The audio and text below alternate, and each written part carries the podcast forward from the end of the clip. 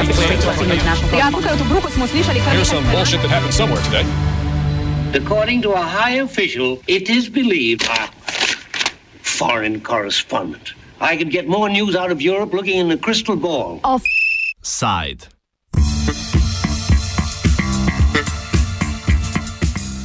Gruzija med politično pragmatičnostjo in idejami. Gruzijske volitve so vnovič prinesle zmago tudi dosedaj vladajoči stranki Gruzijske sanje. Ta je zbrala 49 odstotkov glasov, sledi ji stranka Združeno nacionalno gibanje s 27 odstotki. Če tudi se obe stranki potegujeta za parlamentarne sedeže, si ideološko nista bistveno nasprotujoči. Edino razliko med njunima retorikama je moč najti v zunani politiki. Gruzijske sanje namreč zastopajo bolj pragmatične odnose z Rusijo. Združeno nacionalno gibanje, ki mu je še pred leti predsedoval bivši predsednik Mihajl Sakašvili, pa v odnosih do severne sosede nastopa precej bolj militantno. Pojasni Bakar Berekašvili iz Univerze v Tbilisiju. Well, unfortunately, uh, Georgia is a typical post-communist uh, society where ideological differences are not really uh, are not really uh, visible among the political parties uh, running in uh, elections or participating actively in political life. Majority of the political parties share same ideological platform and same ideological strata. Even between of course there are two major political parties today in georgia. One is the georgian dream which is the ruling political party and as, another is the largest opposition party which is united national movement. Even these two parties who are like contesting to each other yes even this two parties they share the ideals of free market economy for example. When, when it's about economic views when it's about economic programs maybe there are minor differences between two parties. But definitely they have these two parties like largest opposition party and and the, the ruling political party they have different attitudes definitely towards foreign policy because the united national movement uh, is more aggressive towards russia and it, uh, they are more aggressive towards let's say mm, towards also so-called uh, um, um, Abkhazia and Ossetian territories, let's say yes, and and the Georgian dream is more like um, more uh, more pro cooperation with Russia. Georgian dream tries to tries to make Georgia's foreign policy very pragmatic. So. Uh, regarding the domestic policy, Georgian Dream and National Movement probably do not have very big differences, but uh, regarding the foreign policies, there are very big differences. And and other parties, all other parties usually share the same ideology. Novost tokratnih volitev med strankami, ki so prestopile parlamentarni prak, je stranka Združenje patriotov. Kot pojasni sogovornik, bi to stranko dosledneje kot prorusko označili za nacionalistično. Probably Alliance of Patriots uh, can be labeled as a as a nationalists.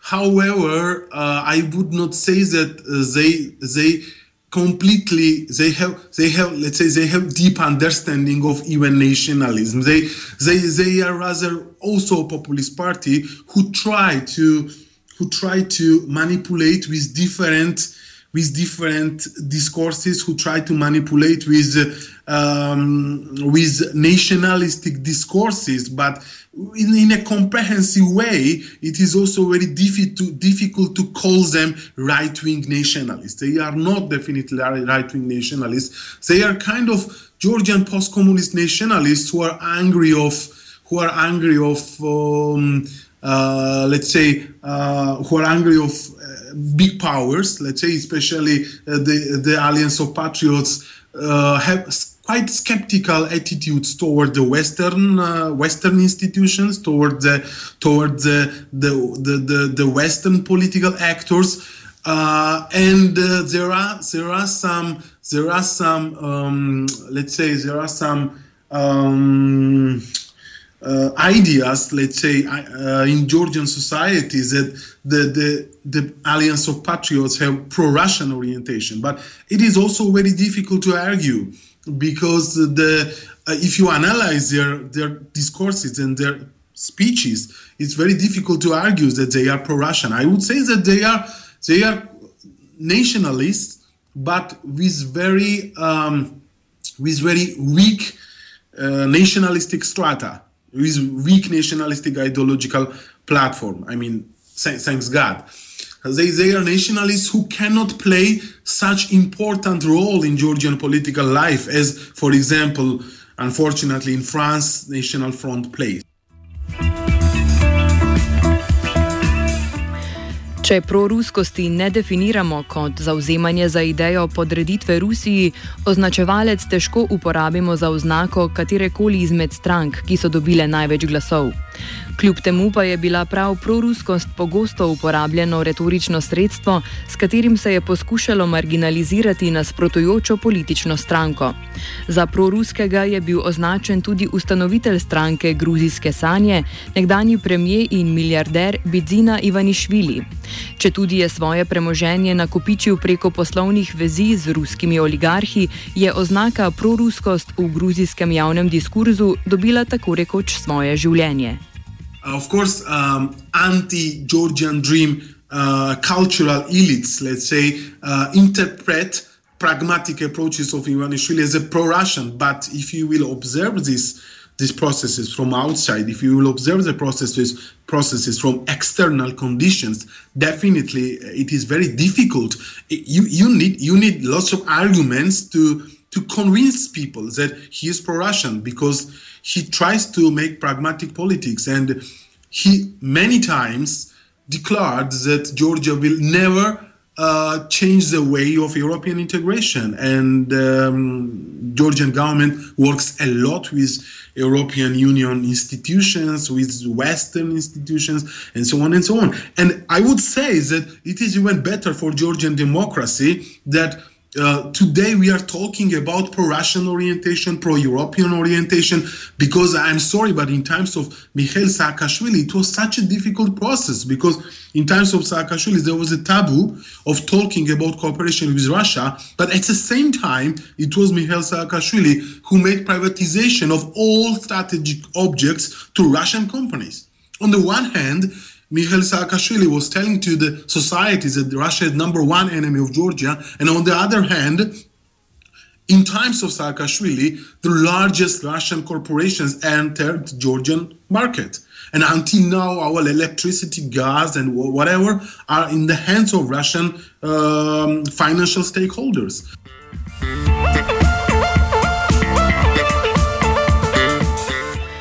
Vloga sedanjega guvernerja ukrajinske regije Odesa in ustanovitelja stranke Združeno nacionalno gibanje Mihajla Sakašvilja je bila na tokratnih volitvah ambivalentna.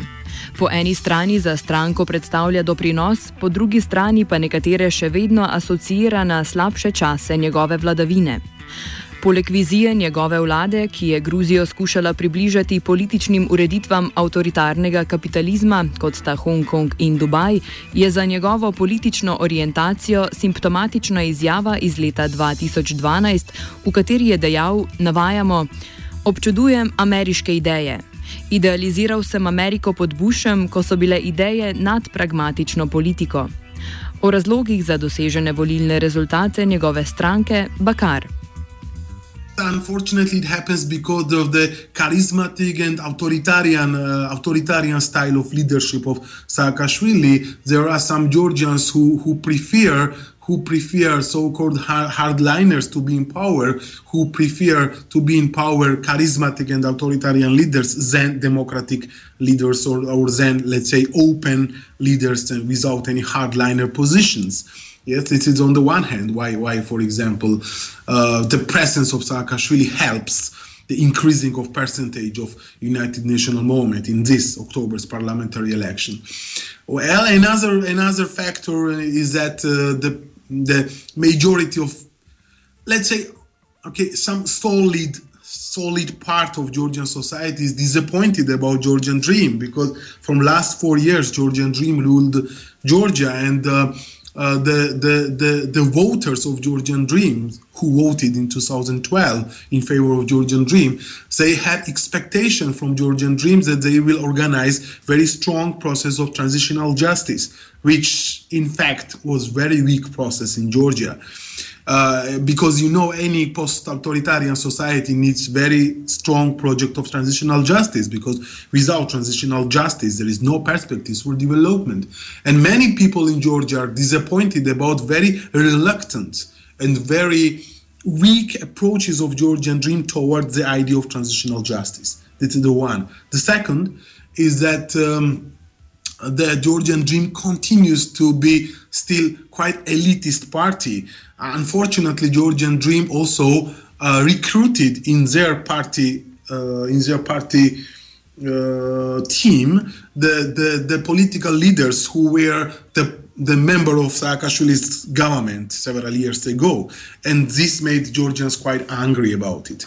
I mean, those, those let, let's say ex-Saakashvili supporters who are today uh, uh, integrated into the political team of Georgian Dream. They are not leaders of Georgian Dream, but they are those people who got the party ticket in parliament in this October's election.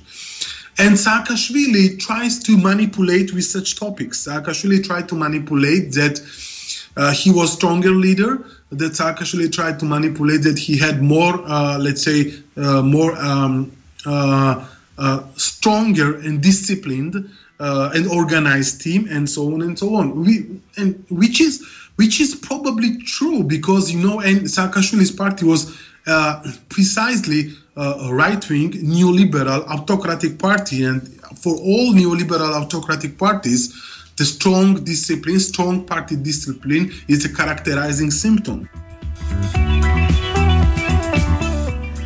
Splošno gledano je novost tokratnih volitev hkrati odsotnost figure odrešenika, ki je do takratnih oziroma tokratnih volitev navadno določal volilni izid in politični prostor Gruzije. O vlogi odrešenika današnji offside zaključi Arhil Sikarulidze, doktorski študent na Univerzi v Tbilisiju. This is the first case when there is no, how there is no central figure in Georgian politics. So voter, voters uh, didn't know to vote, uh, didn't know uh, to to whom vote because there was no messiah. There was no, there was not Saakashvili, Ivanishvili, or other people who actually had the char- charisma to consolidate all opposition or people around them. Or, so this was very important because uh, before, just day before the elections, lots of people, maybe at least 10 or 15 percent of uh, electorate, they were undecided to whom they will vote, and these people actually didn't go to the uh, to the elections. So uh, if you look how many people didn't attend, you you can see there's a huge lots of people actually because uh, this is the first case when we vote not for uh, not for Messiah but for the political ideology. And if you take into account that our political party system is actually underdeveloped, uh, people just didn't know uh, to whom vote, for what. Offside je pripravil Tit. What's new? Mr. Power says he wants to see that foreign stuff as soon as it comes in. Let's get straight to our senior international correspondent. Who knows what's happening at the moment? We certainly don't. Nuclear standoff between India and Pakistan enters its 11,680th day. in Tehran shouting death to the Shah pledge allegiance to the Islamic movement. Devet let po oranžni revoluciji v središču Kijeva spet plapolajo modro-rumene ukrajinske Bližnji vzhod je na pragu nove vojne. Let's get straight to our senior international correspondent. Who knows what's happening at the moment? We certainly don't. It's definitely a mix of celebration and protest going on here in Cairo today. Zveze NATO je Slovenija nase odgovorno prevzela določene obveznosti. President Putin made it very clear to Ja, tukaj v Tobruku smo slišali kar Here's some bullshit that happened somewhere today. According to a high official, it is believed. Foreign correspondent. I could get more news out of Europe looking in the crystal ball. Side.